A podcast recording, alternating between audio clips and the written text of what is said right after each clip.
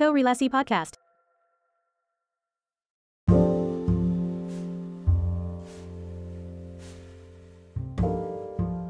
Halo, kita ketemu lagi di episode korelasi, sebuah obrolan podcast terkait arsitektur yang akan mencoba melihat korelasinya dengan berbagai aspek dalam kehidupan. Kali ini saya kedatangan satu senior, satu panutan, satu guru saya, uh, Pak Aloysius Erwin dari AR Design Studio. Kali ini kita akan ngobrol seputar komunikasi dalam arsitektur. Halo Pak Erwin. Ya, selamat siang uh, Pak Redi. Apa, Apa kabar? kabar? Baik-baik. Iya. Gimana kesibukannya saat pandemi ini? Ya, uh, ya kita saat ini memang work from home ya. Mungkin mm -hmm. ya anugerahnya profesi arsitek ini masih bisa bekerja uh, di rumah masing-masing. Uh, ya kebetulan tim kami juga bekerja di rumah mereka masing-masing dengan dengan internet, chat dan segala macam ya. Ya puji Tuhan uh, sementara ini masih berjalan dengan baik. Oke, syukurlah. Uh, Pak Erwin mungkin boleh cerita dulu. Uh, Pak Erwin ini perjalanan arsitekturnya mungkin mulai dari keminatan dulu sebelum sekolah, kemudian saat sekolah bagaimana, kemudian meniti karir sampai ke detik ini seperti apa. Mungkin boleh diceritakan. Oh iya. uh, pertanyaan yang menarik saya kira karena uh, uh, bagi saya seseorang bisa jadi sesuatu itu terbentuk dari latar belakangnya ya mm -hmm. uh, apa yang membentuk dia terutama mungkin selama proses uh, dia tumbuh begitu. Mm -hmm. Jadi yang lucu, yang lucu sebenarnya uh, saya masuk arsitek itu ya uh, tidak menggebu-gebu uh, mm -hmm. ingin jadi arsitek. Bahkan setelah lulus pun nggak sampai sebegitunya pengen jadi arsitek. Begitu. Oke. Okay. Uh, uh, sebenarnya uh, saya dulu ketika kecil terbentuk itu mungkin kalau saya bahasakan uh, mungkin bagi yang pernah lihat film kartun itu semacam Tinkerbell. Hmm. Uh, Tinkerbell itu kan uh, kalau di peri gitu kalau kita nonton filmnya itu ada ada ada bagian-bagian sendiri ada yang bagian peri numbuhin bunga mm-hmm. ada peri bagian apa buat awan gitu di sini uh, Tinkerbell ini bagian craftsman jadi dia membuat sesuatu mm-hmm. Nah, uh, saya tumbuh dengan uh, seorang ayah yang sebenarnya dia ini kontraktor, uh, hmm. tetapi mostly dia bisa membuat membuat banyak hal tuh sendiri begitu. Hmm. Mungkin prinsip basicnya uh, bagaimana saya bisa uh, menyuruh orang, menggait orang kalau saya sendiri ini tidak bisa buat gitu. Hmm. Uh, Eh, jadi yang menarik itu menyebabkan di rumah uh, saya dari kecil tuh uh, mainan segala macam tuh dibuatin sendiri gitu. Uh, ya hmm. dari kulit jeruk. Uh, kadang uh, butuh tempat pensil digergajiin pakai triplek dibentuk bahkan sampai dipelitur dipelitur halus pensil yang ada di toko custom ya pak jadi saya tumbuh dengan uh, melihat uh, banyak hal yang bisa sebenarnya bisa kita buat sendiri gitu. Bahkan uh, hampir semua barang di rumah ketika rusak itu kita jarang beli baru. Hmm. Uh, selalu diperbaiki lagi oleh si ayah ini. Nah, uh, itu menyebabkan saya tumbuh dengan pola pikir mungkin bahasanya curious, selalu ingin tahu hingga mungkin dulu jadi troublemaker jadi uh, kalau lihat radio gitu saya penasaran kok bisa keluar suaranya ya? Saya bongkar wah gak ngerti gitu. Uh, terus gak bisa balikin ya itulah uh, gimana? Tapi ya gitu nggak kapok. Uh, hmm. setelah setelah itu cari barang lain lagi untuk dibongkar gitu. Hmm. uh, ya ini sebuah apa kenakalan yang yang mungkin uh, pada akhirnya berujung apa uh, curiosity-nya selalu ada gitu ya. Mm-hmm. Uh, pada pertengahan SMP saya sempat ikut elektro juga. Dari situ uh, saya mulai paham, oh ternyata buat trafo seperti ini, buat radio seperti ini. Mm-hmm. Jadi uh, pada in, uh, akhirnya uh, saya terbentuk dengan pola pikir uh, selalu senang menciptakan sesuatu. Begitu. Ah, creating something dan creating something itu dengan based on curiosity sebenarnya. Oh hmm. ternyata cara kerja trafo begini itu kalau hmm. elektro ya. Hmm. Uh, kalau mungkin di hal lain, oh ternyata cara nyambungkan uh, triplex sederhana itu uh, harus kasih apa gigi gitu ya biar biar hmm. bisa ceklek gitu.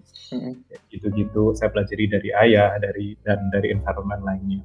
Hmm. Nah, uh, kebetulan kebetulan suka gambar juga. Oke. Okay. Uh, dan ya mungkin anggapan orang dulu kalau pinter gambar gak jadi arsitek tak besarnya asosiasinya ya. gitu ya iya padahal ya sebenarnya enggak juga ya nah, ya mungkin uh, gara-gara anggapan seperti itu akhirnya ketika uh, waktunya memilih mau kuliah apa ya arsitek salah satu pilihan oke okay. tapi ketika memilih ya nggak tahu-tahu amat uh, arsitek hmm. itu seperti apa gitu yang pasti mungkin istilahnya pada saat itu modal saya, uh, saya suka gambar, uh, terus kemudian saya suka menciptakan sesuatu based on curiosity gitu. Hmm. Tuh. Nah, uh, fast forward ketika sudah lulus, uh, mungkin tanpa saya sadari ya hal-hal seperti itu juga jadi base uh, pemikiran sehingga mungkin yang membedakan dengan teman-teman lain waktu itu kalau saya lihat, uh, saya ketika lulus saya memilih uh, istilahnya uh, pengen tahu dari sisi konstruksi. Hmm. Jadi di situ saat saya lulus saya banyak uh, belajar di lapangan, uh, bahkan mungkin uh, lebih dari satu tahun gitu. Uh, saya ingin tahu gimana sih cara uh, bendratin uh, besi beton. Hmm jadi bahkan tukang lagi kerja saya suruh stop sebentar mas saya coba bendera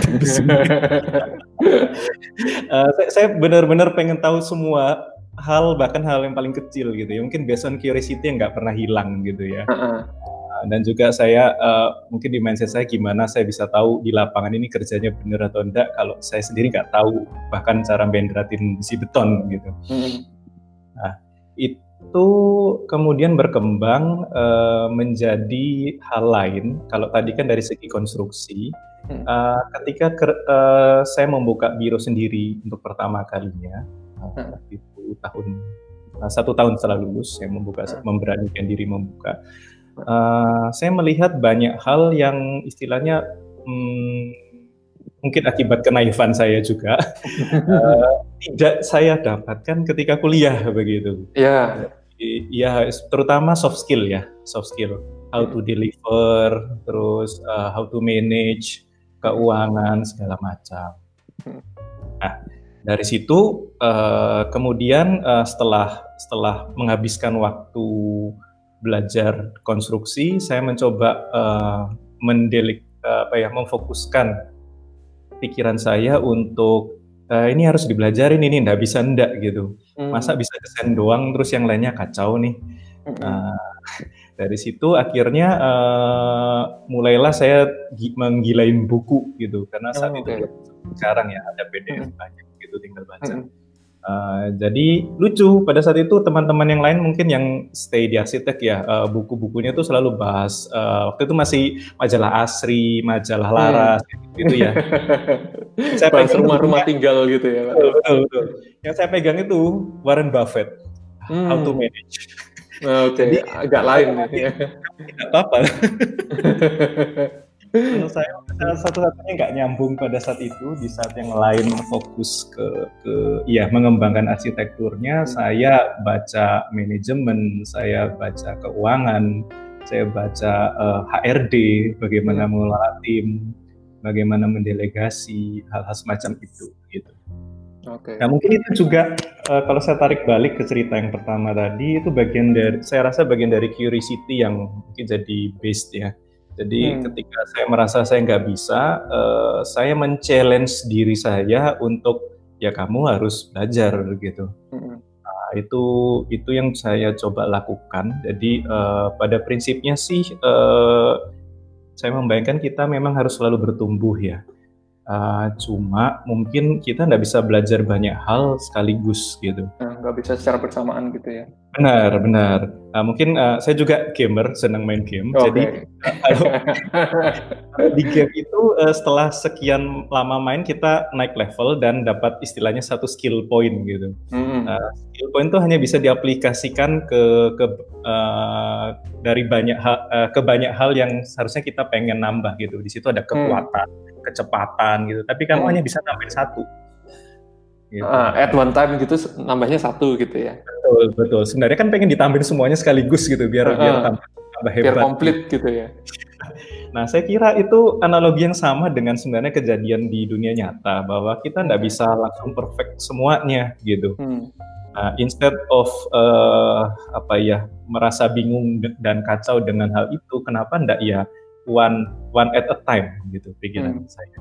Nah, sejak sadar analogi itu, saya mencoba setiap tahun ada satu, hanya satu hal yang saya fokuskan. Hmm. Dari situ uh, saya buat satu tema untuk setiap tahun. Oh, Oke. Okay. Jadi mungkin kalau diurunut ke belakang pernah ada satu tahun temanya HRD. Hmm. Uh, gimana sih uh, mempelajari orang gitu, gimana personality gitu ya, Pak. How personality affect in creativity uh, business. Hmm. Oke. Okay. Nah, terus uh, kemudian saya mencari buku uh, yang lucu, saya mencari buku sebenarnya How to Manage Creative Team, Creative Business, hmm. dan itu nggak banyak. Kalau ditanya oh. coba search buku manajemen untuk untuk kantor lah, itu bejibun luarnya, banyak banget, hmm. Hmm. banyak banget. Hmm. Tapi ketika man manajemen untuk uh, bisnis in, apa inda kreatif industri gitu, hmm. yang keluar cuma satu atau bahkan kan itu tidak keluar sama sekali gitu. Hmm. Itu menyebabkan saya berpikir ini memang uh, sulit sekaligus menarik, challenging gitu. Hmm. Uh, itu, jadi uh, HRD dan manajemen itu uh, saya uh, pernah satu satu tahun fokus ke situ, hmm. pernah juga uh, fokus penasaran BIM waktu itu. Katanya hmm. orang bikin tambah cepet, tambah tambah praktis. Saya cuma batin lah, bener dah. Nah, jadi membuktikan ke ke curiosity yang tadi itu ya. Betul betul. Dan saya uh, mungkin tipenya uh, uh, istilahnya saya akan bicara dengan sangat yakin ketika saya sudah pernah melakukannya gitu. Hmm, sudah pernah mengalami setidaknya. Betul, betul. Saya, kalau Mbak contoh kayak BIM tadi, kalau BIM-nya saya nggak pernah hmm. coba, saya mungkin uh, kalau ngomong ke orang lain paling, oh iya memang hebat, bisa lebih cepat, tapi hmm. tingkat keyakinan itu beda. Dibandingkan hanya sekedar tahu, kalau sudah mencoba itu lebih yakin gitu ya. Betul, betul. Dan bahkan mungkin nilai positifnya yang saya rasa selain tahu bisa sharing juga di situ. Hmm, Oke. Okay. Nah, itu mungkin yang uh, pada akhirnya setiap tahun saya selalu uh, belajar apa lagi, belajar apa lagi. Begitu. Kemudian mencoba memetakan hal-hal baru apa sih yang yang jadi kebutuhan yang perlu Betul. dipelajari gitu ya. Betul. Dan itu saya rasa uh, teman-teman yang lain juga yang uh, mendengarkan podcast ini bisa bisa mencobanya. Dan hmm. saya rasa tiap pribadi berbeda ya. Jadi hmm. uh, coba ambillah apa yang cocok dengan uh, situasi kalian saat ini itu itu uh, menyebabkan kalian bisa fokus dan dan sangat into into ke situ gitu. Istilahnya challenge challenging myself. Hmm. Karena uh, salah satu cara kita bertumbuh menurut saya adalah uh, tantangan gitu. Tantangan itu bisa datang dari banyaknya sih dari sekitar biasanya. Hmm. Tetapi problemnya ketika kalian bekerja sendiri, siapa yang nantang ya, diri betul. kalian gitu. Jadi uh, mau tidak mau kalian harus challenging yourself, uh, hmm. yaitu konsekuensi dari bekerja sendiri menurut saya. Oke. Okay. Kemudian kan tadi um, di, di diri sendiri sebetulnya akan lebih penting saat kita bisa apa ya memetakan apa kekuatan kita, apa yang kita masih belum sempurna. Itu yang coba kemudian kita kejar sehingga uh, mungkin bertahap tapi uh, di akhirnya itu menjadi satu paket yang cukup komplit gitu ya sebagai satu arsitek gitu ya. Ya. Selalu okay. berusaha untuk belajar mungkin gitu ya. Mm -hmm. Kemudian kan Pak Erwin ini uh, perjalanan arsitekturnya uh, tadi sempat uh, selesai kuliah buka biro pertama, kemudian berjalan seterusnya sampai kemudian membuka uh, biro air design studio. Yeah. Nah dari pemahaman Pak Erwin tadi belajar banyak hal, kemudian mendalami banyak hal uh, satu waktu satu hal sampai kemudian di titik ini sudah mengalami sekian banyak hal. Uh, pemahaman arsitektur sendiri menurut Pak Erwin mungkin sebagai prolog ya. Uh, itu apa sih sebetulnya? Iya, uh, menurut saya arsitektur ini luas ya. ya Jadi betul. sehingga memang uh, uh, wajar menurut saya kalau tiap orang punya apa minat dan pemahaman sendiri terhadap arsitektur sehingga berbeda-beda begitu. Uh, dari pengalaman saya, hmm, uh, arsitektur di diri saya ini pemahamannya hmm, istilahnya apa ya uh, mengalami metamorfosis begitu. Oke. Okay. Kalau di awal memang namanya orang bekerja kan uh, cari nafkah gitu ya. Uh-huh. Jadi ya sebatas uh, itu gitu. Kalau bisa uh, ya cari uh, carinya yang banyak gitu dan memenuhi kebutuhan gitu ya. Betul betul betul dan ya, ya sudah begitu. Uh, tetapi mungkin orang beda-beda gitu. Uh, saya mungkin karena apa ya? uh, pribadi saya sendiri, uh, istilahnya setiap kali saya bekerja, sebenarnya di dalam diri saya ini selalu mengharapkan, istilahnya kalau kalau bayaran ya, hmm. dua macam bayaran sebenarnya. Oh, Oke, okay, menarik. Satu yang memang bayaran yang yang sebenarnya, yaitu hmm. ya nafkah itu, dan yang, yang kedua adalah bayaran hati. Nah, itu yang itu yang kadang uh, ada orang yang nggak apa-apa loh, ada yang nggak apa-apa. Jadi istilahnya sudah uh, saya jadikan kantor saya pabrik, yang penting ada ada bisa gambar gitu ya ya sudah gitu. Uh, oh. Bahkan saya mungkin bisa pergi main golf gitu ya kantornya saya gitu. Uh, sedangkan saya mungkin uh, basicnya uh, you, you gotta love what you do gitu. Mm-hmm. Uh, itu saya alami cukup cukup intens di di dalam perjalanan saya. Istilah saya mungkin kantor yang pertama mm-hmm. dengan segala macam jungkir baliknya dari situ akhirnya uh, saya uh, bersama partner saya Andi hmm. ini memutuskan untuk membuka uh, kantor baru bagi saya kantor yang kedua kedua hmm. uh, di mana fokusnya akhirnya uh, kita kita rubah gitu kita switch mindsetnya bahwa berarsitektur itu uh, kamu juga harus menyampaikan pesan pesan hmm. apa ya kan uh, jangan cuma istilahnya cari duit doang oke okay. uh, Nah, di sini mungkin uh, ya kebetulan saya pemikirannya bisa bersinergi dengan baik dengan partner saya uh, Andi. Di sini kita ingin menyampaikan hal-hal yang kebetulan uh, juga jadi background kita masing-masing yang kebetulan ada uh, banyak kesamaan. Uh, kalau di bahasa saya, partner saya Andi ini juga separuh Tinkerbell juga gitu. Oh, Oke. Okay bahkan mimpinya dia sempat kalau kita guyon kasih saya satu workshop dengan segala macam peralatan maka saya bisa enggak keluar selama setahun gitu sibuk mengembangkan gitu ya jadinya ya iya itu ibarat Tinkerbell dapat mainan gitu loh ah, okay. bahkan kita sempat guyon kalau ada, ada mesin 3D printing mungkin barang pertama yang kita buat adalah uh, kostum Satria Baja Hitam. gak penting amat, tapi penasaran kita gak buat uh, kostum lengkap gitu. Oke. Okay uh, itu mungkin. Uh, jadi okay. uh, eh, dari situ kita mencoba berarsitektur itu menyampaikan pesan.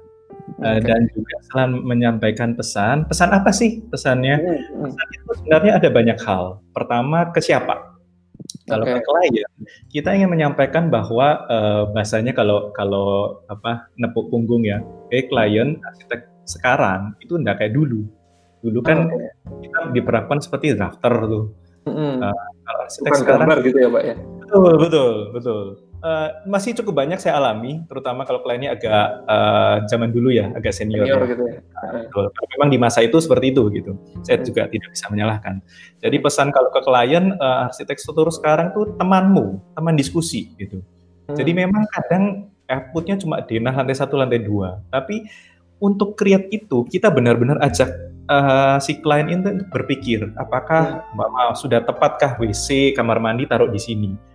Uh, hmm. Itu bahkan mikirnya bisa sampai lima alternatif hanya untuk outputnya ya sama sih, ya keluar di dalam tes satu doang gitu loh.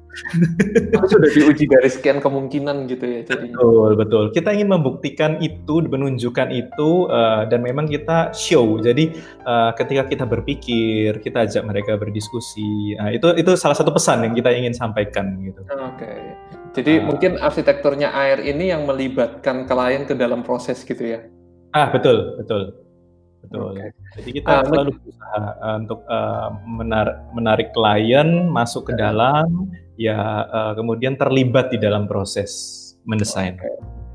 Kan berarti air ini punya pesan gitu ya, secara filosofi kayak uh, arsitektur ini tidak dipandang sebagai produk saja, tapi lebih ke proses yang menarik yang melibatkan klien ke dalamnya. Betul. Kemudian uh, arsitektur itu menjadi satu buah pemikiran bersama gitu ya. Ya, itu uh, istilahnya apa ya? Uh, involve uh, activity yang uh, menyebabkan uh, hasil akhirnya itu uh, uh, rasa memilikinya itu terjadi di semua pihak itu hmm. penting sih buat saya. Jadi ini bukan karyanya si arsitek sebenarnya aku sih nggak seneng bagian WC-nya gitu. Itu itu tidak terjadi. ada ada bagian-bagian yang lemah yang nggak pernah ditampilkan gitu ya pak ya. Itu dihindari gitu ya. Itu kalau pesan yang ke klien sih. Uh, sedangkan kebetulan saya sendiri kan ya uh, pengajar jadi hmm. saya juga ingin menyajikan uh, apa pesan, menyampaikan pesan juga ke, ke di dalam uh, edukasi gitu. Hmm. Jadi bahwa mendesain uh, itu juga juga bisa macam-macam ya. Uh, bahwa hmm. sebuah biro juga uh, sering kali ketika sudah desain. Itu ketika sudah nemu satu jurus gitu, itu diulang-ulang terus. Gak salah, gak salah ya. Uh, Karakter itu, ya? Betul, betul. Istilahnya cari karakter setelah ketemu mungkin itu diulang terus.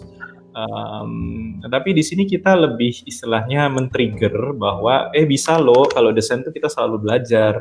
Jadi suatu hmm. saat mungkin pas belajar bambu, nah, tiba-tiba Pak Erwin main bambu gitu. Ya. Kok aneh Pak Erwin main bambu ya lagi belajar bambu sih gitu. Nah, suatu saat main, uh, main roster karena lagi belajar roster. Saya kira dengan begitu uh, kita terus berkembang ya. Jadi hmm. mungkin fokusnya memang buk, uh, adalah selalu mencoba men-challenge diri sendiri, belajar banyak macam. Uh, dari situ kita akan terus bertumbuh. Nah, uh, poin utamanya adalah semua proses pembelajaran tersebut sering kali di budaya kita itu lemah direkam.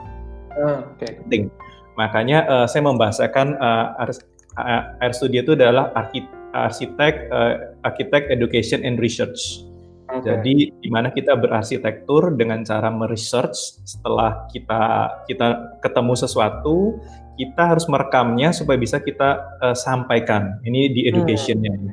supaya bisa kita sampaikan. Bahkan proyek-proyek yang tidak terbangun atau gagal deal deal pun uh, kita selalu ada sisi positifnya ya pak ya. Betul betul. Terkadang pro, uh, justru proyek yang tidak deal itu lebih banyak konten pola pikirnya yang bagus menurut saya. Ah, okay. dan justru ya ya mungkin ya karena keterbatasan ya, karena konten konten yang bagus itu menyebabkan dia tidak deal karena terlalu ideal menarik, menarik, menarik. Justru itu yang menarik karena katakanlah uh, ya tim kantor kan silih berganti ya. Ada anak baru masuk, dia dia belum mengalami proses desain yang konten gagal itu gitu. Hmm. Jadi kita tinggal tarik dari lemari, kita tunjukin ini loh, kita pernah desain pola pikirnya sampai kayak gini. Okay. Gitu. Itu mempercepat uh, apa menarik anak itu ke ke zaman kita dulu begitu. Hmm itu poin yang hendak kita sampaikan juga uh, di dari sisi apa berarsitektur di dalam edukasi. Gitu ya. Oke. Okay.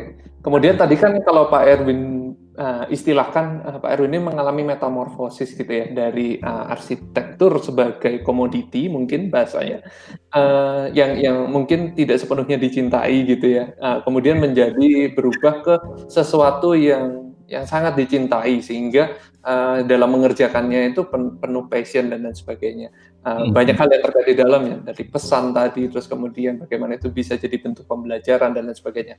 Evolusinya itu sempat ngalami titik balik nggak? Karena ini kan dua-duanya kontras ya. Satunya benar-benar masa bodoh gitu ceritanya, yang satunya hmm. benar-benar into gitu. Uh, ada ada titik baliknya kah yang membuat kesadaran itu muncul? Iya, Uh, sebenarnya titik balik itu kita pasti akan kita sadarin sih, apa apalagi kalau kita tipe yang apa hmm, uh, sangat uh, bukan sangat sih, tipe yang memang istilahnya butuh dua bayaran tadi. Oh, Oke, okay. bayaran hati sama bayaran kebutuhan tadi ya. Uh, betul. Jadi uh, ada saatnya di mana istilahnya uh, hatinya itu benar-benar kosong gitu. Jadi oh, akhirnya uh, di pikiran kita uh, cuma gini kah arsitektur. Ini That's ngapain sih gitu. gitu ya. Uh, kantor kan istilahnya karena di komoditi kan kantor kan sudah running sendiri nih gitu. Hmm. Saya di rumah singletan gitu sambil nonton TV ya kantor jalan tetap jalan. gitu. gitu. Uh, tapi yang menarik menurut saya uh, profesi arsitek ini uh, justru mempunyai kelebihan yang yang sebenarnya menurut saya cukup sayang kalau dikomoditikan gitu. Karena kita bisa bisa memanfaatkannya uh, uh, lebih jauh. Beda kalau mama uh, dagang makanan gitu. Karena memang uh, atau mungkin apa ya profesi menjual. Men, uh, maksudnya di situ uh, itu dua itu hal yang berbeda gitu menurut saya. Sedangkan di sini kan kita kita creating something from from our mind, our heart gitu. Mm. Itu yang yang menurut saya uh, kok sayang ya kalau dijadikan titik uh, uh, komoditi. Nah di situ titik balik yang saya kira uh, ketika saya mempertanyakan uh, apakah ya sudah gini aja ya setiap hari ya ibarat kalau hidup nadanya, nadanya datar terus gitu. Mungkin itu sih uh, okay. yang saya alami itu.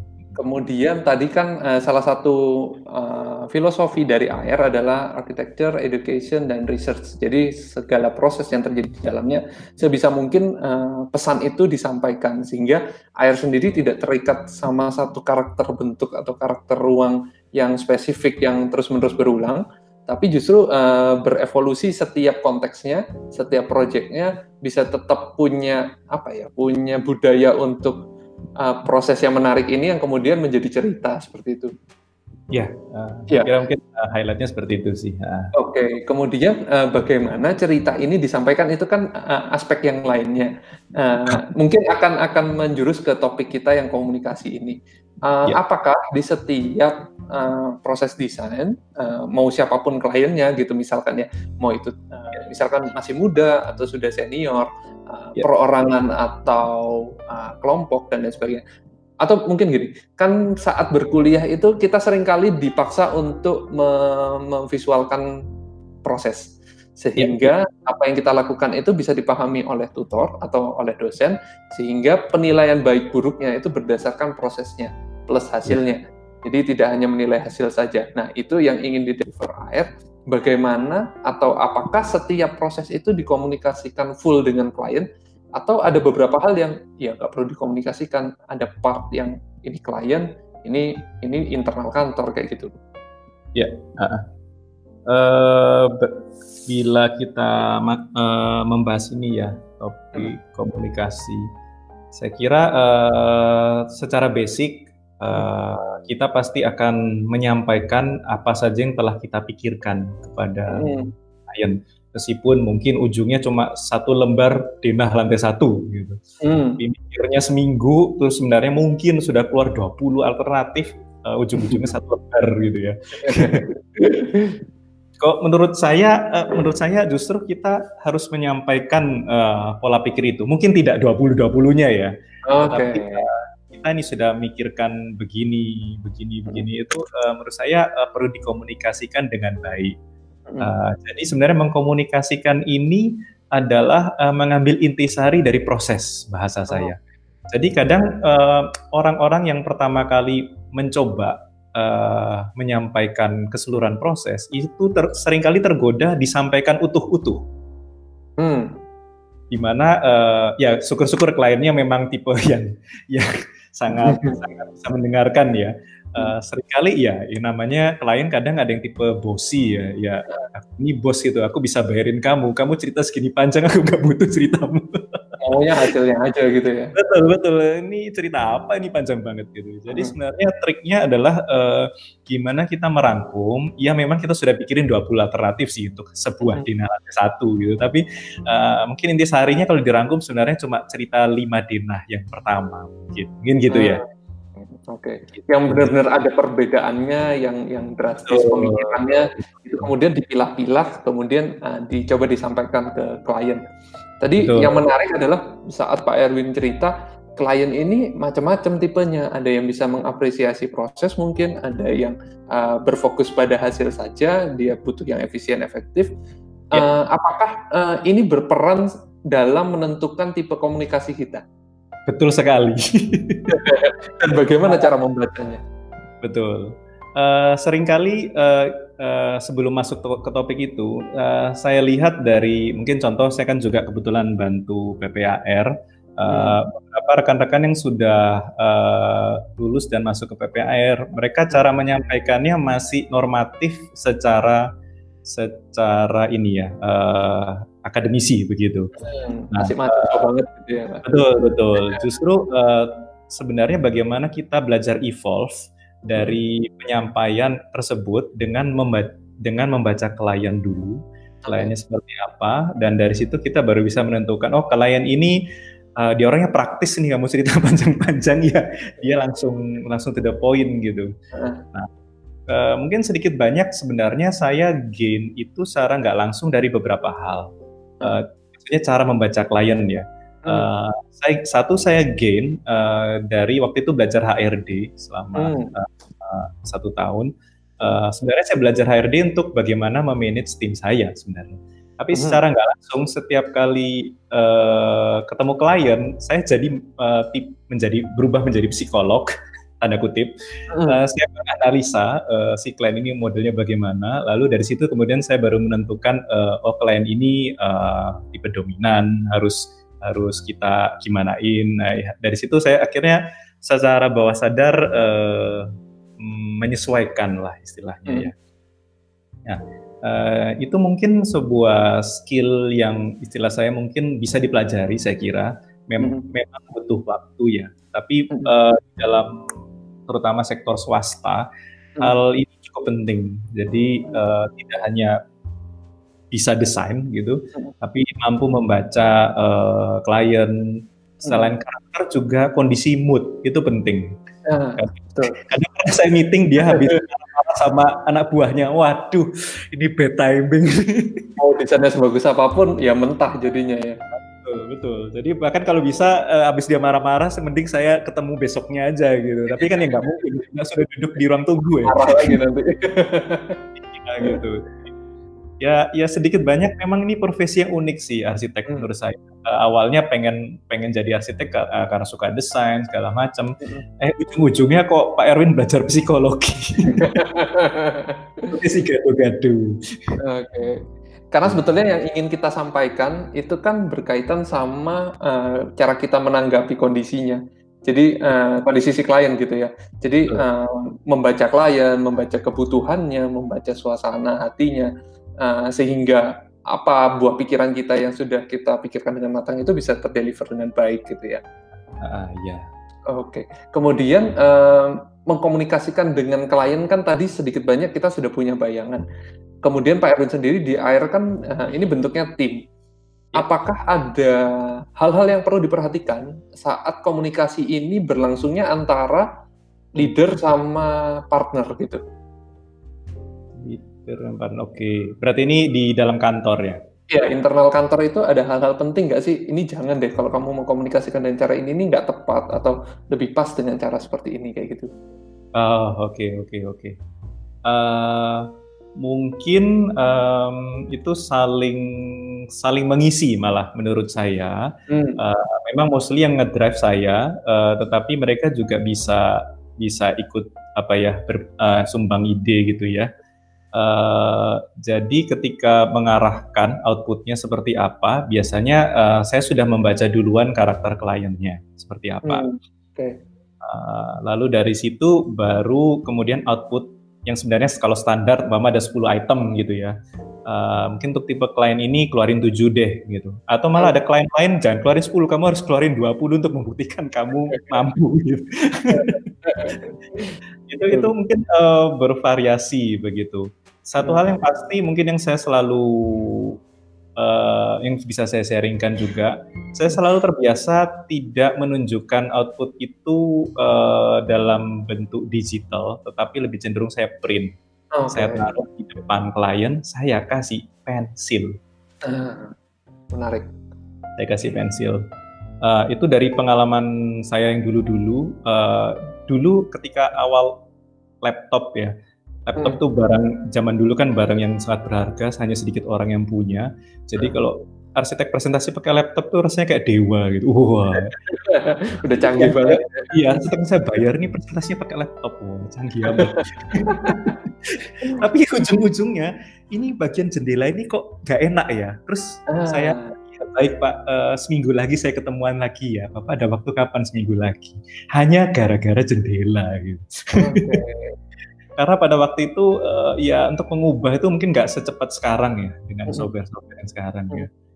ya jadi di, saya sempat mengalami zaman-zaman di mana maunya keren, ujung-ujungnya nggak ya nggak keren-keren amat gitu. Karena karena apa terhambat dengan teknologi yang agak media ya.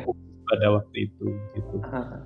Jadi setelah mengalami sedemikian rupa, uh, akhirnya saya memang akhirnya uh, selalu siap digitalnya, tetapi saya print Uh, tujuannya adalah uh, klien ini secara native uh, basicnya dia ngoret-ngoret dengan pensil kan hal yang lumrah gitu instingnya bisa keluar gitu ya di, di oh, coretan. Jadi meskipun coretan dia sejelek-jeleknya coretan klien pun itu maksudnya jelas gitu loh. Dia mau mudik aku gak suka dia orat-orat jendelanya sampai hitam gitu. Berarti semakin hitam semakin gak suka. semakin kanannya makin kuat itu makin gak suka. Betul. Dari situ uh, uh, itu memudahkan dia juga untuk menyampaikan dan kita malah lebih terbantu gitu. Instead of tunjukin di screen, masa dia mau ngoret-ngoret screen kita dan satu hal yang saya lihat sering kali klien itu mau nunjuk-nunjuk di layar lalu karena layarnya layar sentuh tiba-tiba kan entah dia jadi zoom out atau tergeser atau tertutup yeah, yeah. kayak gitu. berikutnya dia dia agak mengurangi dan tidak mau diri gitu ya iya. agak membatasi padahal Jadi, yang, yang perlu kita gali dari sana oke okay. Kemudian tadi Pak Erwin sempat sempat yang menarik adalah me melibatkan klien ini dalam proses desain. Sehingga saat asistensi gitu mungkin istilahnya uh, Pak Erwin pakai kertas yang bisa dicoret-coret. Jadi uh, klien punya rasa memiliki terhadap produk ini, terhadap proses ini. Um, uh, kemudian itu yang menjadi menarik saat uh, menempatkan klien ini menjadi tim gitu ya Pak ya, uh, menjadi partner kita dalam mewujudkan desain kita. Um, tadi kan sedikit banyak uh, Pak Erwin cerita prosesnya itu banyak diskusi visual, banyak diskusi yang gambar, sketsa, yang itu mungkin agak terbatas kalau media kita itu fully digital. Nah, ya, ya. kalau kalau dulu pemahamannya kan suka kayak gini Pak, uh, kamu jago gambar, kamu jago sketsa, arsitek ini tempat yang pas. Tapi makin bergerak ke sini kan pemahamannya agak bergeser nggak harus pinter gambar kok, pokoknya pemikirannya kreatif, bla bla bla segala macam. Mhm. Sehingga lambat laun kemampuan untuk mensketsa, kemampuan untuk menuangkan ide-ide secara spontan itu makin berkurang. Di pandangan Pak Erwin sendiri seperti apa peran sketsa ini dalam proses desain? Ya, uh, saya suka pertanyaannya karena uh, ini yang sering saya sampaikan juga ke apa uh, ketika mengajar. Jadi pada prinsipnya, pada prinsipnya anda tidak perlu pinter dan mahir sketsa. Okay. Itu yang saya garis bawahi dulu. Jadi hmm. tidak harus uh, maestro atau dari dari SMA, SMP SMA udah wah ini kalau gambar sambil merem deh anak ini gitu. Enggak, enggak perlu. Oke. okay. Uh, yang perlu adalah sketsa yang komunikatif. I see. Uh, bahkan sketsanya kaku pun bagi saya enggak masalah. Kenapa begitu? Jadi poin sketsa itu uh, kalau dari pengalaman yang saya alami itu bukan kita sketsa dulu di rumah atau di kantor, baru kemudian kita tunjukkan ke klien. Hmm. Uh, kalau seperti itu mending lakukanlah dengan komputer gitu, uh, karena dia lebih berbicara, lebih punch gitu ya ke hmm. di mata klien. Uh, poin di uh, sketsa itu adalah untuk mengisi kekosongan ketika uh, output digital ini kita tunjukkan ke klien, lalu dia ini kok gak enak ya uh, area sayap yang sebelah kanan Nah, hmm. di situ uh, saatnya kita uh, mengeluarkan sketsa. Hmm. Sketsa ketika dia dilakukan live di hmm. depan itu lebih punch daripada kita sudah sketsa dulu baru kemudian kita tunjukkan. Ini sketsa yang sama, sama-sama mama sama jelek gitu ya, sama-sama jeleknya. Tapi ketika dilakukan di depan klien, ini kan kita sambil berbicara, ini pintunya Pak, meskipun pintunya metode gitu ya. Nah, tapi orang lebih paham gitu karena melihat proses goretannya gitu. Jadi yang saya alami adalah sketsa ketika dia digambarkan di depan audiens, di depan penonton, itu mempunyai makna yang lebih ketimbang dia sudah digambar lebih dulu sebelumnya. Hmm. Itu highlight saya. Hmm. Nah, Uh, sehingga ketika asistensi kliennya tidak suka jendela uh, bentuknya kotak gitu ya, mama uh, ini supaya saya gampangkan, saya mungkin ide bentuknya bundar gitu ya. Uh, hmm. Jadi saya tinggal ngeluarin kertas, uh, saya gambar bentuk lagi yang sama uh, outline-nya, lalu saya coba apa nggak gini pak? Ini kan bundar kan lucu gitu mama. Hmm. Itu tercipta sebuah dialog spontan yang langsung dan itu uh, memancing diskusi lebih lanjut. Oke. Okay mungkin begitu sih. Jadi dari oh. situ uh, uh, klien dengan memegang pensil juga yang saya dia punya kendali gitu ya pak ya. Jadi dia punya kendali. Bunder dicoret lagi bundernya mungkin. oh iya, nah, berarti dari sini saya tahu dia pengen jendelanya segitiga bukan kotak, bukan juga bunder seperti yang saya usulkan ya gitu. Oke, okay. sih. Kemudian tadi kan uh, kalau kalau di di traceback itu jadinya bukan sketsa itu antara penting atau tidak penting, tapi bagaimana sketsanya itu bisa komunikatif. Itu yang lebih oh. lebih krusial. Jadi bukan masalah kualitas gambarnya, tapi bagaimana kualitas uh, pesan yang disampaikan itu nyampe nggak sih dengan komunikasi melalui sketsa ini. Nah, kalau Pak Erwin dengan dengan sekian sketsanya gitu, kita mungkin tahu Pak Erwin dengan kekuatan uh, Pak Erwin mensketsa. Uh, buat teman-teman mungkin yang yang masih baru mulai atau kemudian masih kemudian baru mencoba bersketsa dan lain sebagainya, sketsa yang komunikatif itu yang kayak gimana sih Pak Erwin? Iya, uh, mungkin kalau uh, sedikit uh, menyambung cerita yang sebelumnya di mana uh, sketsa itu yang penting adalah komunikasinya, berarti highlightnya adalah apa yang hendak disampaikan begitu. Hmm. maksud saya sering kali kita tergoda ketika sketsa itu uh, semuanya digambar, semuanya diperfekin gitu, padahal sebenarnya highlightnya adalah revisi pintu gitu. Hmm. Jadi uh, menurut saya sketsa yang komunikatif itu uh, istilahnya apa ya? Essential stroke. Uh, hmm. Jadi gambarlah yang menurut uh, anda uh, penting dan cukup. Uh, detilkan hal yang anda hendak bahas lalu simplified hal-hal yang sedang tidak dibahas. Mungkin okay. mungkin big picture-nya seperti itu kali ya. Oke okay, oke. Okay. Jadi kayak ada hal-hal yang utama itu ditekankan, hal-hal yang sampingan ya nggak perlu karena sebenarnya peran sketsa ini kan lebih ke diskusi dan komunikasi bukan dari produk betul. gitu ya. Betul. Kayak contoh tadi pembahasan uh, jendela, kita, uh, saya rasa saya tidak mungkin menggambar ulang tampak depannya semua lengkap, baru kemudian uh, jendelanya gitu ya. Mungkin saya hmm. hanya bergambar part gitu. Uh, atau mungkin kalau mau gampang saya biasanya bawa kertas roti yang ya old fashion style sih.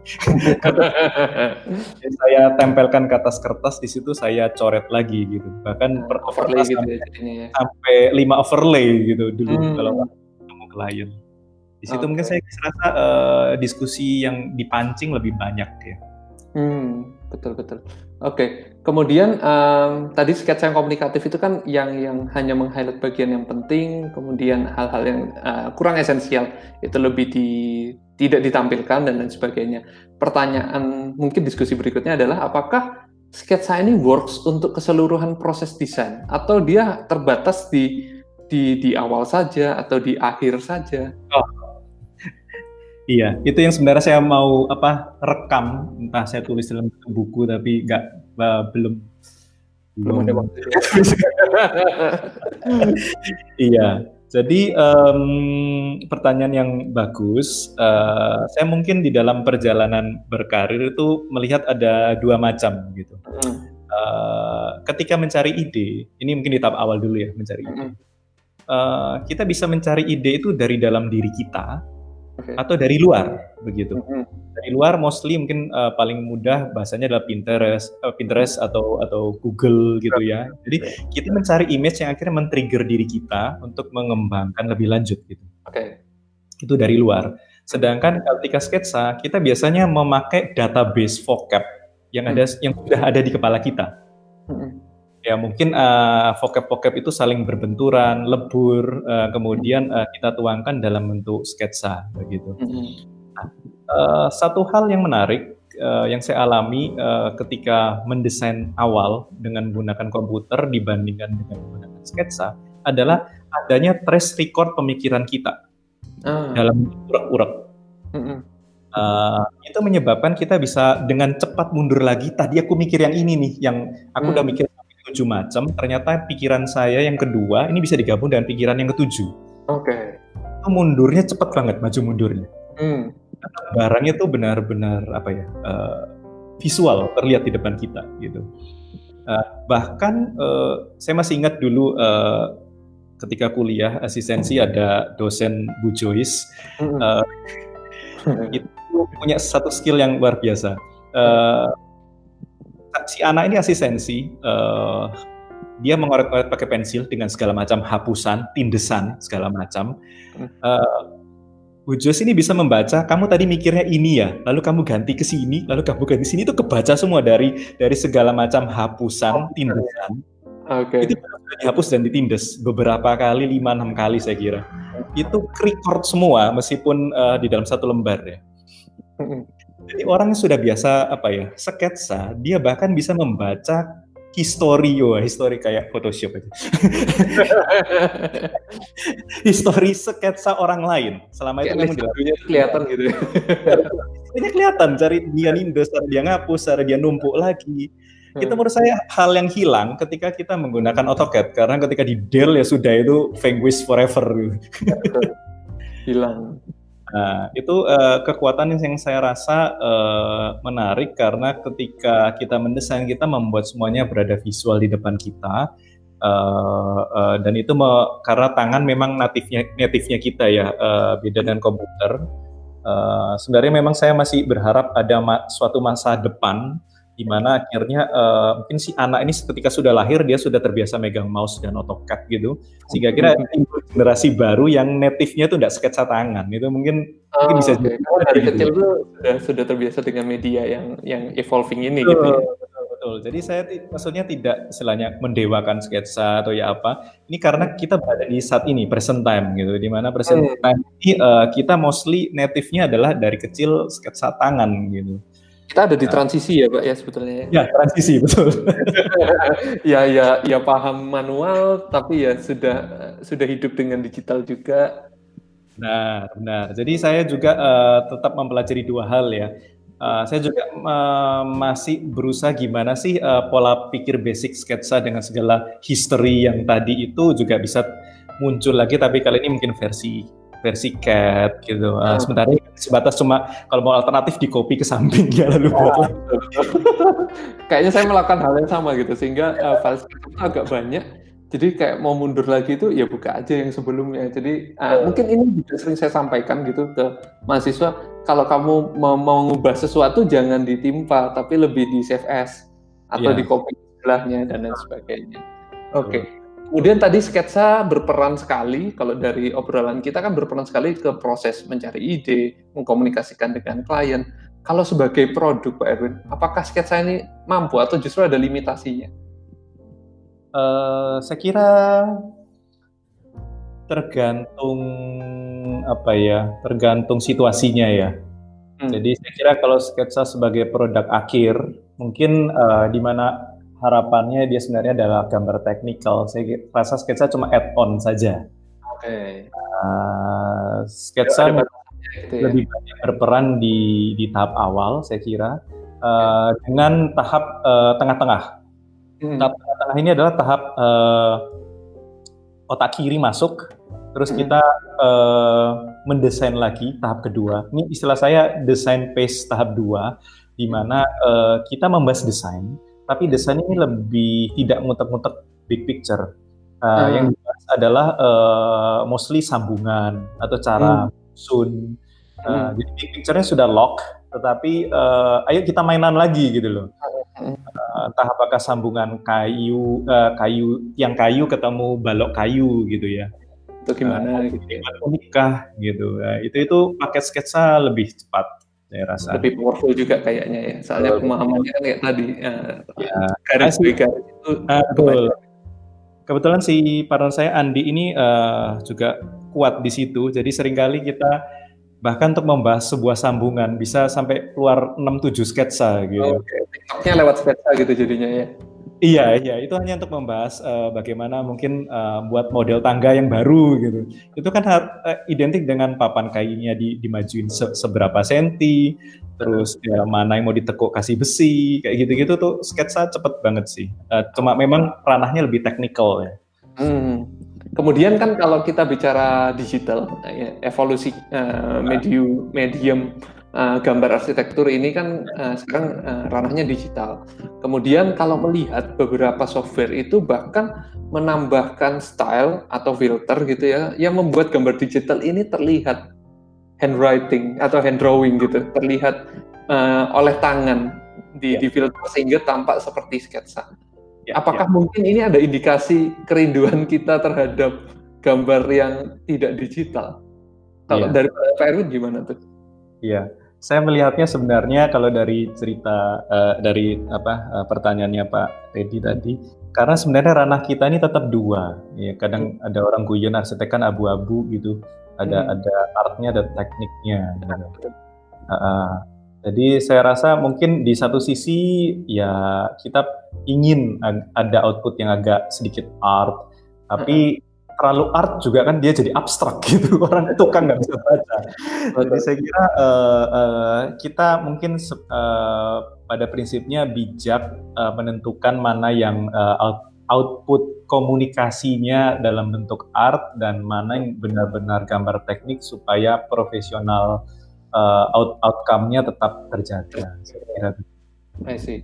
Kemudian mungkin tadi kalau istilah Pak Erwin art itu lebih kita mendelivery uh, pembayangan suasana seperti apa sih yang ingin didapatkan. Mungkin sketsa dan art itu lebih kuat di sana. Sedangkan kalau uh, aspek teknikal bagaimana dia diwujudkan, bagaimana kemudian dia diimplementasikan, itu perannya digital itu lebih kuat gitu ya Pak. Hmm, betul digital lebih kuat, cuma memang tadi uh, pembahasan seperti sambungan dan sebagainya itu kan tetap melalui sketsa. Triggernya uh, sketsa ya. saja, betul, triggernya sketsa, hanya saja outputnya better disajikan uh, uh, technical gitu dalam bentuk komputer karena ukuran, karena dimensi yang lebih presisi dan ya, sebagainya. Nah, itu lebih mudah dibaca gitu ya. Kalau tadi sketsa ini media komunikasi ke klien gitu, media komunikasi ke tim juga. Bagaimana kemudian sketsa ini bisa jadi media komunikasi kita ke tukang? Itu sering kali kan kadang terjadi ya Pak Erwin. Eh, kita ambil pecahan bata, kita sketsa di lapangan. itu itu masih masih masih sama nggak konteksnya? Uh, sampai sekarang masih jadi uh, saya masih ingat banget waktu itu bantu seorang kontraktor senior. Dia dia punya satu pensil sketsa, ya pensil sketsa arsitek pada umumnya itu. Uh, saya tanya, kenapa bawanya selalu pensil sketsa itu? Dia bilang kalau saya bawa pensil ini di lapangan, saya bisa nulis di mana pun oh, media apa pun. Triplek di tembok yang habis diplamir gitu. Bahkan di batu pun gerak. Ini kan kalau pensil sketsa kan grafit, graphite ya. Uh, oh, dia, bisa keluar gitu. Oh, ya. saya, oh iya iya gitu. Uh, dan ketika dia tumpul dengan mudah diraut kan kalau pensil sketsa karena ada rautannya gitu. Okay. Jadi uh, saya rasa akan lucu kalau mama kita dengan teknologi, katakanlah saya bawa iPad gitu, saya sketsa uh, di lapangan untuk nunjukin ke tukang pakai iPad. Oke, kayak gini ya sambungannya. Oke. Lalu mas iPadnya saya kasihkan ke tukang. Tapi pinjam iPadnya tukangnya di sketsa di iPad tukangnya. Karena justru yang menarik adalah ketika kita ngambil sobekan kertas semen, lalu kita kita bahas di situ atau menulis di tembok yang baru saja dipelamir atau malah garis-garis di pasir eh, di lantai gitu. Uh, dan mungkin mostly kalau sudah di lapangan sketsanya itu lebih ke arah technical banyak hmm. kali 90 persen hanya technical semua sambungannya mana ketemu mana plafon tatapan janggutannya ke sebelah mana kayak gitu-gitu hmm. sering kali uh, kayak gitu-gitu pembahasannya seputar itu. Oke. Okay. Kemudian um, arsitektur sebagai hal yang ingin dikomunikasikan tadi ke tukang, ke klien dan lain sebagainya kan beragam tekniknya tapi masing-masing mungkin digital ataupun sketsa punya peran masing-masing yang mungkin saling melengkapi. Kalau kemudian ya. bahasannya di, digeser ke gambar digital, adakah yang menjadi kebiasaan mungkin dalam timnya Pak Erwin gitu ya atau mahasiswa karena Pak Erwin juga sedikit banyak terlibat dalam proses pengajaran ke mahasiswa. Uh, ada nggak sih gambar-gambar yang menurut kita komunikatif tapi pada kenyataannya itu tidak ada miss di sana? Oh ya sempat mengalami binder dan kalau udah paham ini kayaknya komunikatif banget nih tapi pas ke klien atau pas ke kontraktor itu nggak bisa dibaca. Betul betul itu uh, kalau saya bisa langsung jawab, itu sebenarnya adalah gap dari produk uh, waktu. Oke. Okay. Jadi uh, mostly uh, para pelaku uh, konstruksi ya di lapangan itu mereka kan produk masa lalu gitu, uh, mempunyai sebuah standar sendiri dengan dengan cara menggambar sendiri. Sementara kita uh, yang produk baru ini evolve Hmm. Dan bahkan uh, mempertanyakan contoh mungkin hal paling basic kenapa gambar kerja harus selalu outputnya dari CAD gitu. Uh. Saya buat gambar kerja yang murni dari katakan apa ya software yang baru-baru SketchUp gitu ya hmm. mungkin ya. Nah, jadi kita kita push the boundary hmm. uh, di mana mungkin pada saat kita push itu uh, saya nggak tahu uh, mungkin saya ambil contoh SketchUp SketchUp versi berapa yang kita gunakan pada saat itu output itu hmm. sama uh, modelnya dengan gambar kerja CAD pada umumnya, begitu. Oke. Okay. Meskipun dia sangat komunikatif dengan warna segala macam. Mm, betul. Nah, itu ketika dibawa ke lapangan, uh, itu terjadi chaos. Jadi ada beberapa hal. Uh, contoh mungkin uh, ada yang terbiasa membaca kode dinding tukang di lapangan. Okay. Jadi dinding arsir dua itu adalah dinding bata. Sedangkan kebetulan uh, waktu itu tim kami uh, mungkin menyajikannya kan nyoba gitu ya, nyoba hal baru. Uh, dindingnya jadi blok hitam semua gitu. Nah, itu masalah besar di lapangan waktu itu. Katanya tulangan ya, Pak. Karena kita ini kan komunikatif, dindingnya dihitamin semua, orang jadi lebih fokus ke apa ke gambarnya, ya. lantai dan segala macam. Di lapangan yang dicari adalah teknikalnya. Gitu. Hmm, ada gap berarti ya ada gap di mana mungkin uh, menurut saya uh, dua-duanya uh, dua-duanya harus kita lihat. Jadi satu sisi softwarenya memang belum mumpuni untuk sampai ke level yang saat ini sedang dianggap yang paling betul gitu. Sedangkan orang lapangan juga belum evolve untuk mencoba menerima, mempelajari bahwa oh ini maksudnya dinding bata yang ini. Okay. jadi dia saklek kalau namanya dinding bata gambarnya harus arsir dua. Oke. Okay. Terus apakah Jadi dua-duanya istilahnya masih masih ambigu begitu. Saya mencoba melihatnya dari dua belah pihak ya. Apakah kemudian penting untuk kita uh, melihatnya dari perspektif yang lain gitu? Kayak tadi misalkan uh, kita lihat item itu uh, blok, oh ya udah itu dinding gitu. Tapi ternyata oh jangan lupa coba tempatkan dirimu jadi kontraktor. Uh, karena gambar ini kan sebenarnya hanya sebagai perantara ide untuk dia bisa diimplementasikan. Jangan sampai kemudian yang ditangkap sebaliknya Iya, iya. Uh, saya kira kita sudah mencoba sih, cuma mungkin akhirnya uh, istilahnya apa? Untuk menghasilkan sebuah output, uh, hal yang harus dilakukan itu menjadi lebih banyak. Oke. Okay. Uh, di mana ketika menggunakan uh, software CAD itu malah cuma sekali langsung selesai gitu gitu. Jadi mungkin hari ini uh, gapnya di situ kita sadari, uh, kita juga sudah melakukannya, cuma mungkin lihat timing ya. Uh, biasa. Kalau timingnya agak panjang dan kita pengen memang outputnya versi modern gitu, ya kita coba lakukan uh, sekaligus juga mencari breakthrough breakthrough lainnya. Oke. Okay. Kemudian kalau kalau di di detik ini katakanlah seperti itu, um, kan kita sudah evolusi ya Pak Erwin. Kayak misalkan dulu permodelan tiga dimensi itu untuk mencapai impresi uh, suasana saja. Terus kemudian berevolusi tadi Pak Erwin singgung BIM. Uh, ya. Permodelan tiga dimensi ini ya untuk mensimulasi seakurat mungkin dari balok, dari kolom, dari tulangan bahkan itu bisa muncul di sana. Adakah ya. masih adakah gap atau mungkin kalau pengamatannya Pak Erwin di, di sekarang ini ya, apakah peran peran komunikasi secara gambar tiga dimensi itu sudah cukup merata? Artinya di arsitek iya jalan, di kontraktor iya jalan, atau masih kayak ya itu bekerjanya hanya di arsitektur saja saat itu dibawa ke kontraktor ya harus ditransformasi menjadi gambar dua dimensi seperti itu. Ya, uh, saya kira mungkin saya sedikit meluaskan uh, hmm. tidak hanya di kontraktor, jadi hmm. mungkin uh, spirit BIM yang hmm. saya tangkap pada saat ini ya uh, bisa jadi saya salah, tapi yang saya, saya sampaikan ini mungkin yang berada di sekitar-sekitar saya yang saya lihat gitu ya, uh, uh, yang cenderung uh, kepo istilahnya, ingin tahu dan mencoba belajar untuk menggunakan BIM itu uh, justru berangkat dari arsitek biasanya. Oke. Okay. Hingga satu saat satu titik arsitek ini lumayan bisa.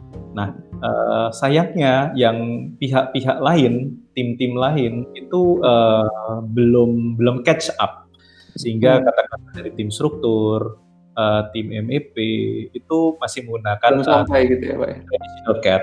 Nah ini kan sesuatu yang sebenarnya sayang. Maksudnya arsitek ketika dia sudah membuat satu model yang komprehensif, uh, hmm. ketik mimpinya adalah ketika tim struktur dan MEP melakukan hal serupa, sehingga ketika kita superimpose, kita tumpukan gitu bisa terjadi uh, pembacaan mana yang nabrak mana, ya, mana yang selesai mana, itu terjadi begitu yang terjadi sekarang adalah uh, uh, saya melihat banyak ranah di arsitek yang mencoba evolve, uh, tapi yang dari tim lainnya belum. Uh, Arah gitu ya. Betul, betul. Uh, itu menyebabkan uh, sering kali akhirnya terjadi handicap begitu. Mm-hmm. Saya rasa mungkin ini masalah waktu ya. Uh, uh, memang arahnya ke sana. Mungkin suatu saat juga akan ada saatnya uh, semuanya juga sudah evolve sih. Begitu. Oke. Kemudian mungkin tadi uh, ini masalah waktu gitu ya. Jadi kayak ya tunggu aja nanti suatu saat juga uh, goalnya bakalan sampai ke sana. Mungkin kita yang perlu beradaptasi dalam tanda kutip yang menyesuaikan karena kita mungkin lebih dulu paham, lebih dulu ngikutin. Ya kita tetap uh, mencoba menyesuaikan dengan siapa yang kita ajak komunikasi gitu. Jadi media komunikasinya kita ya kita sesuaikan gitu ya Pak. Betul betul. Uh, yang kami alami sebenarnya uh, istilahnya kami tidak memaksa uh, tim yang lain juga misalnya harus sama gitu ya. Sebenarnya semua ini adalah uh, istilahnya bahasa saya saling menggendong lah. Uh, kan tujuannya sama gitu. Kalau uh, saling menjatuhkan mencapai finish padahal satu tim kan juga sama-sama uh, sehat juga. Betul, betul, betul. Uh, mungkin uh, spiritnya memang dari tim arsitek ingin belajar uh, dan mungkin kalau bisa pikirnya di switch ke arah positif. Jadi ya kalau bisa gandeng, gandeng tim strukturnya. Eh kamu belajar oh ini gitu. Ini lebih enak. Kamu kalau ganti besi ini klik ini aja udah ganti semua gitu. Nyadari gitu berarti. Uh, ngompor-ngompori tapi dalam arti positif. Uh, uh, seperti itu saya kira itu lebih lebih dibutuhkan ke arah situ. Oke. Okay. Kemudian yang menarik yang menarik lagi dari dari sosok Pak Erwin ini adalah uh, saat segala macam keilmuan, ke kebaharuan yang dicoba dipelajari itu sering kali Pak Erwin punya punya apa ya? Punya perhatian untuk itu dibagikan atau itu diteruskan ke ke junior junior gitu ya Pak Erwin. Kalau kita lihat mungkin Pak Erwin sempat bikin beberapa pelatihan pelatihan, bikin ya. beberapa apa workshop workshop dan lain sebagainya. Ya. Kalau tadi konteksnya komunikasi itu kan uh, ke pihak klien untuk mengkomunikasikan ide atau ke pihak kontraktor untuk meng menginformasikan, mengkomunikasikan uh, hal-hal uh, teknis dan lain sebagainya. Kalau di konteks pengajaran sendiri, menurut Pak iya. Elwin, ya. ilmu komunikasi itu penting nggak sih? Iya, uh, penting sekali di bold yang lain. Se seberapa gitu Pak? Iya. Jadi uh, mungkin kita semua pasti pernah ya ketika uh, sekolah atau kuliah ada satu guru atau dosen yang mungkin uh, istilahnya boring banget gitu. Betul. Uh, dari situ mungkin uh, jadi pijakan ber, saya berpikir untuk gimana sih supaya nggak jadi seperti itu gitu. Uh, itu itu itu yang pertama.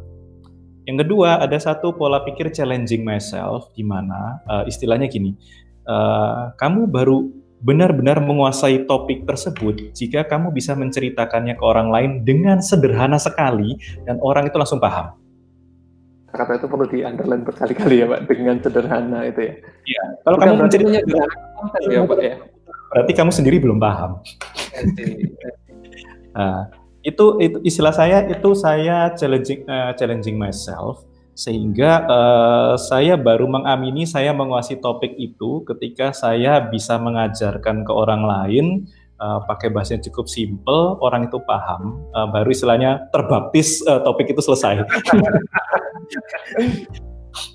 Nah, okay, okay. dengan pola pikir uh, yang kedua itu, itu juga mungkin uh, menggarisbawahi bahwa ketika kita sering uh, belajar karena curiosity dan sebagainya macam, endingnya adalah harus ada endingnya gitu.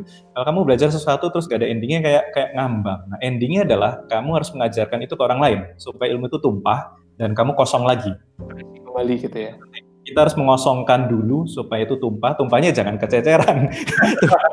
dengan kan, aliran yang betul betul.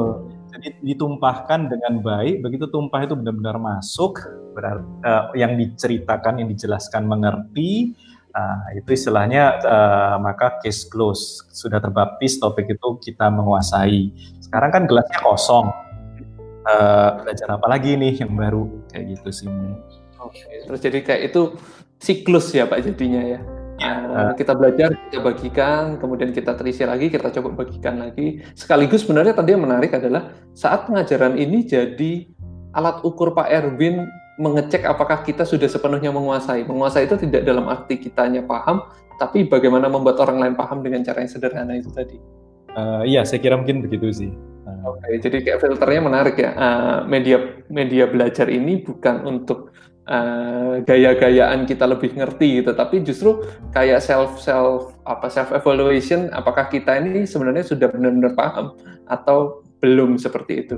Nah, sosok yeah. yang menarik lainnya dari Pak Erwin ini adalah kalau tadi mencoba balik ke sketsa dan mengkomunikasikan, kalau komunikasi ke murid tadi ya seperti itu, ke siswa dan lain sebagainya, yang saya nggak bisa lupa itu pada saat Pak Erwin share di momen presentasi Anabata kalau nggak salah di di hotel Santika di Gubeng kalau nggak salah. Itu yang menarik adalah presentasinya Pak Erwin itu live sketch tapi recorded gitu. Jadi kayak mensketsa, kayaknya live dari kertasnya kosong kemudian sampai jadi sampai kemudian uh, ide dan komunikasi itu bisa dideliver dengan dengan cukup menarik gitu. Nah, ide itu muncul dari mana, Pak? Ide itu sebenarnya muncul sederhana banget. Jadi saya melakukan hal yang serupa terhadap klien uh, selama proses. Lalu saya berpikir uh, kenapa selama ini presentasi yang ada itu selalu uh, uh, muncul tiga dimensi yang sudah jadi, muncul ending saja gitu ya. Jadi gitu. Bagaimana kalau audiens ini kita coba kita jadikan semi client gitu. Jadi hmm. semacam kita sebenarnya lagi asistensi di mana saya ketika asistensi itu sering kali mengeluarkan sketsa spontan gitu. Uh, uh, dengan begitu uh, apabila kalau klien goalnya adalah dia menjadi merasa memiliki hasil desainnya adalah ya uh, yang kita bahas dengan sketsa bersama, di sini audiens mengalami satu experience yang berbeda gitu. Hmm. Karena bagi saya uh, uh, sebuah event-event uh, sharing seperti itu uh, memang inti dasarnya uh, sharing ilmu arsitekturnya, iya. Tapi saya rasa ada hal-hal soft skill lain yang saya bisa bagi gitu spiritnya. Nah, dari situ saya coba uh, share bagaimana dampaknya di hati terutama ketika itu muncul sehingga mungkin di, saya harapkan uh, audiens ini bisa ter trigger tergerak untuk eh kita coba ya uh, mungkin kalau ketemu klien saya mau mulai sketsa gitu ya. Ada pesan juga ya sebetulnya ya di balik iya, ya. banyak uh, ke arah situlah oke. Kemudian uh, kalau ngomongin sketsa lagi Pak Erwin ini juga sangat terkenal dengan mungkin tergabung juga di komunitas urban sketch ya Pak Erwin. Oh, uh, ya. Ada ada ada pesan tertentu mungkin kalau tadi ke audience ingin menyampaikan pesan sebenarnya uh, sketsa itu powerful loh. Desain itu kalau diceritakan secara runut itu akan menjadi lebih mudah dipahami mungkin seperti itu. Sehingga apa salahnya kalau kalian mencoba media yang seperti itu. Nah, kalau dari urban sketch sendiri mensketsa suasana kota, uh, mensketsa kondisi kehidupan perkotaan dan lain sebagainya. Ada pesan yang ingin disampaikan nggak lewat lewat hobi ini? Iya, uh, sebenarnya pesannya juga balik ke challenging myself sih. Hmm. Jadi sebenarnya saya ini cukup curious di hal lain, yaitu yang namanya black box. Oke. Okay. Uh, eh, saya dengan uh, salah satu uh, profesi saya mengajar, uh, saya melihat di dalam akademisi ini itu supaya bisa menilai si anak ini tepat uh, atau tidak itu mengeluarkan kriteria-kriteria yang menurut saya sering kali sebenarnya uh, left brain. Jadi hmm. kalau jalan runut itu maka anda dapat nilai bagus. Gitu. Hmm. Uh, uh, kenapa begitu? Karena memang itu bisa diukur. Jadi sesuatu itu di akademisi itu harus bisa terukur. Kalau mungkin, gitu ya? Betul. Kalau mungkin bahasa uh, kalau secara artnya bagus di arsitek itu seperti apa? Oh, dia ini biasanya ada empasisnya, ada iramanya, ada larasnya. Jadi selalu bahasanya dikembalikan ke sesuatu yang terukur. Parameter-parameter gitu ya. Itu karena kita di sisi sudut pandang penilai. Nah, hmm Sebaliknya ketika kita mendesain sama sekali ketika kita mau berkarya ya, nggak ada eh tak laras dulu supaya empasisnya di sini itu ada. itu simultan sebetulnya ya. Betul, betul. Itu yang impulsnya tiba-tiba eh gini api gitu. Gini uh. bagus. Uh, nah, uh, saya melihat ada dua sudut pandang yang menurut saya uh, belum ada yang yang mengolah dan mencari tahu di, di sudut black box-nya gitu. Uh, itu men-trigger saya untuk challenging myself how to train your black box gitu. Oh. Itu itu uh, itu saya pelajari di dua tahun yang lalu sih kalau salah. Kan setiap satu tahun saya ada harus ada satu goal. Mm-hmm. Satu tahun yang yang saya fokusnya ke sebenarnya kalau terlepas dari akademisi bukan dalam arti akademisi itu keliru enggak. Uh, saya mencoba ngolah yang belum tersentuh. Sebenarnya black box ini gimana sih kalau kita pengen ngajarin ke katakanlah anak yang baru lulus dan masuk ke tim kita gitu? Hmm kan bukan sesuatu yang uh, kalau desain jejerkanlah tiang ini maka otomatis desainmu bagus gitu. Nah, rumus gitu ya, Pak ya. Iya, iya, itu kan tidak kayak resep yang kalau diikuti langsung makanannya enak gitu. Mm-hmm. Nah, dari situ saya melihat uh, uh, pertaliannya di sini adalah art gitu. Mm. Dan saya mencoba mencari jawabannya istilahnya di seni murninya dulu begitu. Oh, oke. Okay. Seni murni. Uh, dan dari perjalanan saya di situ, saya cukup melihat uh, cukup banyak hal yang sebenarnya bisa dikaitkan. Uh, memang parameternya menjadi tidak terukur. Jadi yang ini rasanya sangat tidak akademis begitu. betul, betul. Saya men membahasakannya begini. Uh, dengan belajar urban sketch, uh, saya memahami uh, black box di arsitek itu adalah sesuatu yang bukan diberitahu, uh, being told gitu, diberitahu enggak, tetapi itu sesuatu yang harus kamu imprint. Imprint hmm. itu kamu pelajari, kamu lihat, kamu amati selama beberapa waktu, beberapa lama. Hmm. Bisa tergantung skill dan kemampuan si anak, bisa tiga bulan, bisa dua tahun. Hmm. Uh, tapi dia melakukan terus-menerus dan menanamkan itu di bawah sadar. Hmm, okay. uh, macam apa uh, belajar dan melupakan, belajar dan melupakan gitu, series of learning and unlearning sehingga akhirnya masuk di bawah sadar. Uh, dan itu terlihat banget dari beberapa anak yang sudah cukup banyak minat di art ketika SD, SMP, SMA. Uh, ketika menjadi mahasiswa arsitek, by default dia ketika membuat sebuah komposisi, kita lihat langsung, oh enak ini. Ini, hmm. ini anak apa gitu. Ternyata ya dia ketika sebelum-sebelumnya udah udah imprint uh, art itu duluan gitu. Oke. Okay skillnya udah terbentuk. Ada naluri di bawah sadarnya dia yang bisa mendrive itu ya. Benar, benar. Nah, hmm. setelah menemukan hal itu, uh, saya maju satu step challenging myself-nya adalah bagaimana mengkompres hal itu uh, ketika ada tim masuk, anak ini katakanlah SD, SMP, SMA nggak pernah nggak pernah nge-art sama sekali gitu, feel artnya nul. Nah, itu mungkin uh, sebuah proses ya. Jadi jadi uh, saya membacanya jadi uh, uh, dengan melalui series of pelatihan saya kira uh, ini yang juga masih coba saya formulasikan. Uh, jadi urban skate itu adalah salah satunya. Uh, bagaimana sebenarnya kita uh, belajar mem memahami bahwa kalau Pak Erwin bilang ini api, kenapa ini bagus gitu. Hmm. Kita juga mempelajari yang sama gitu ya. Betul betul. Ketika katakanlah uh, ada satu orang bilang uh, baik lukisan maupun arsitektur ya, bangunan ini bagus gitu, uh, atau lukisan ini bagus. Saya lihat ini bagus di mananya.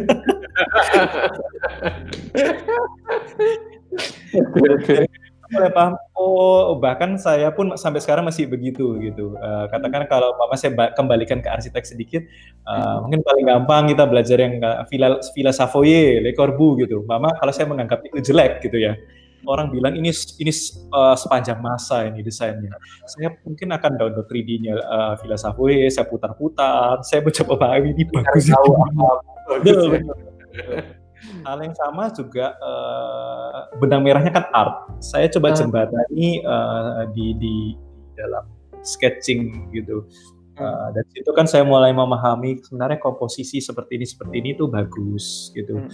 Nah, uh, uh, manfaatnya di mana? Manfaatnya terkadang kita dapat satu proyek yang limitasinya sangat ekstrim.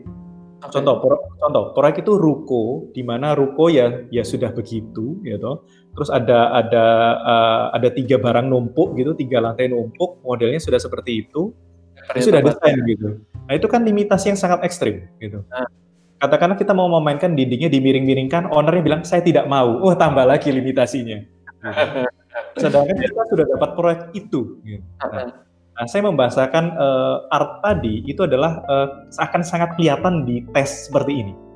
Hmm.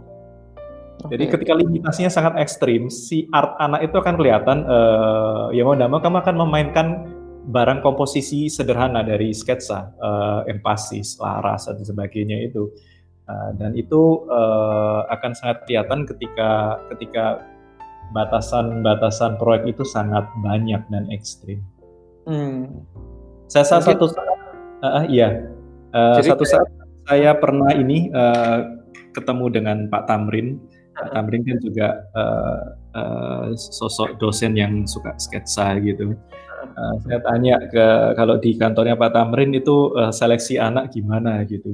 Yang menarik adalah salah satu salah satu cara Pak Tamrin melakukan filter itu adalah uh, composition tadi. Uh, menurut dia uh, mengajarkan feel uh, this is good, this is not gitu. Itu uh, lama. Hmm. Penting saya dapat anak yang feel itunya sudah oke, okay, tinggal saya uh, shape technicalnya. Ah, oke. Okay. Uh, saya cukup bisa diajarkan dibandingkan otak kanannya gitu ya Pak ya. Ah, dan belajar otak kiri kan lebih cepat karena ada ada ada apa ya? Ada banyak triggernya, ada banyak uh, capaiannya jelas semua parameter-parameternya jelas gitu. Hmm. Kan belajar black box uh, uh, itu lebih sulit kayak gitu. Oh, Oke. Okay. Jadi mungkin satu bentuk uh, apa ya? Latihan intelijensi gitu ya, Pak ya. Si si yeah. sketch ini ya. Uh, betul, betul. Jadi saya selalu dengan urban sketch ini challenging myself untuk apa ya, feel uh, this is good, this is not, this is nice, uh, this is average itu uh, naik terus gitu. Oke. Okay. Tajam saja. Semoga saja nggak sampai ke level freak yang saya bilang ini bagus dan orang lain bilang ini. semakin sering kita banyak melihat, mungkin semakin sering, eh, semakin tajam juga pembacaan kita gitu ya. Iya, sebenarnya lebih ke arah melatih itu sih. Uh, bagi saya uh, dengan dengan bersketsa, mungkin itu salah satunya tidak harus sketsa gitu. Saya hmm. lebih meng-highlight uh, proses belajar untuk black box-nya uh, tiap anak bisa berbeda, tiap orang bisa berbeda. Jadi mungkin um, se -se sedikit akhiran juga mungkin uh, sebelum nanti ya. kita tutup. Um, ya. Arsitektur ini kalau mau dibahasakan sebetulnya uh, bicaranya tentang ide yang ada gabungan antara art, keteknisan, kemudian dia perlu untuk bisa dikomunikasikan, jadi tidak cukup sebatas desain yang bagus, tapi desainnya yang bisa dikomunikasikan dengan baik juga, gitu ya Pak ya? Iya. Uh. Oke, okay. Nah, Pak Erwin mungkin ada ada pesan-pesan mungkin buat teman-teman yang yang ya mungkin belum belum belum menemukan kecerahan di bidang ini atau mungkin misalkan ada yang hobi sketsa tapi kok nggak yakin gitu Uh, ya. Padahal tadi message-nya Pak Erwin, ya sketsa nggak perlu bagus kok, yang penting komunikatif kalau di konteks arsitektur. Ada pesan-pesan nggak Pak untuk untuk teman-teman yang sedang dalam persimpangan mungkin? Ya, ya. Uh, mungkin banyak yang ketika di persimpangan uh, arsitek ini apakah ya atau tidak, itu kan hmm. pasti orientasinya ke masa depan ya. Uh, apakah saya akan sukses gitu ke depannya? Mungkin um, saya bisa uh, highlight itu dengan sedikit cerita. Uh, saya ketika ketika diskusi mungkin sering ditanya oleh uh, mahasiswa yang baru lulus itu sempat tidak bisa menjawab pertanyaan ini. Pak Erwin, uh, ya apa caranya sampai akhirnya Pak Erwin bisa punya proyek desain hotel atau bangunan pabrik lainnya gitu. Padahal awalnya kan desainnya gitu. Nah, saya, saya merenung apa ya? Jadi jawaban itu tidak keluar, itulah tidak keluar. Jadi uh, ya mungkin saya soalnya mengalir gitu ya. Jadi, uh, sampai akhirnya persis ke uh, dua hari yang lalu saya uh, ya itu melihat uh, Michael Jordan The Last Dance. Nah, Itu recommended juga ya buat yang lainnya. Ya, itu itu uh, pembelajarannya sangat banyak untuk teman-teman yang belum lihat silakan itu uh, belajar. Uh, konteksnya berbeda tapi pembelajarannya bisa relate ya. Betul betul.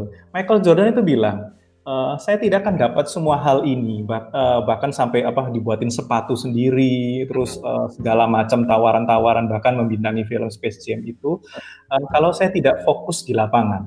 Jadi sebenarnya yang saya lakukan adalah ya saya fokus ke present time apa yang saya lakukan saat ini dan sisanya will do the rest gitu. Ah, I see. Uh, itu ketika Michael Jordan highlight itu itu kayak trigger di saya. Mungkin ini jawaban yang apa waktu itu masih tanya sih nggak bisa jawab. Semuanya di Netflix. Semuanya di Netflix ternyata.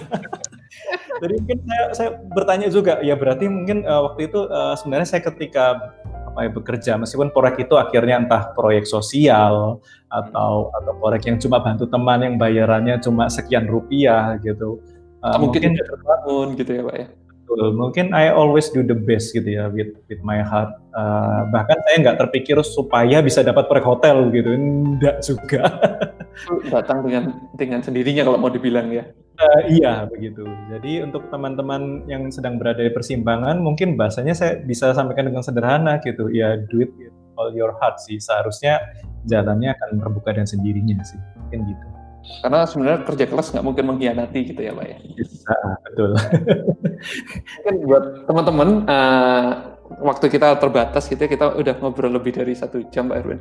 Uh, jadi mungkin buat teman-teman yang mungkin masih penasaran, tadi ngobrolin sketsa-sketsanya Pak Erwin itu gimana sih? Ngobrolin desain-desainnya Pak Erwin kayak gimana sih? Mungkin bisa cek Instagramnya Pak Erwin ya Pak ya?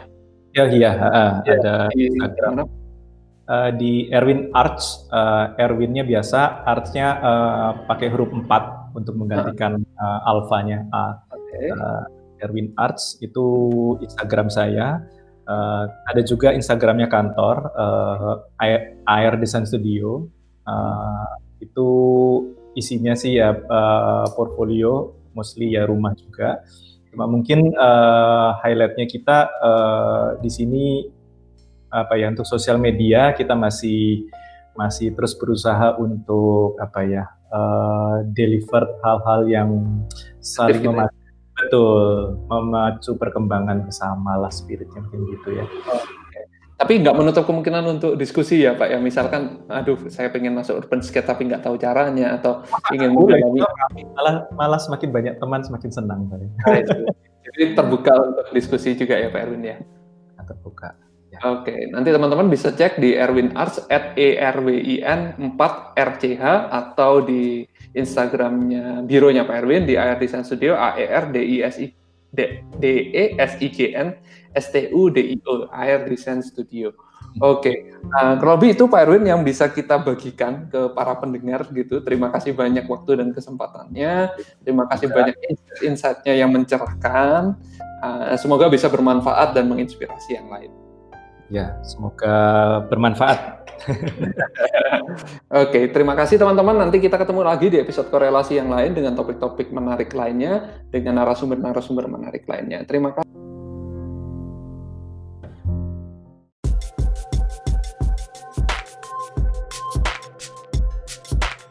Thank you for listening.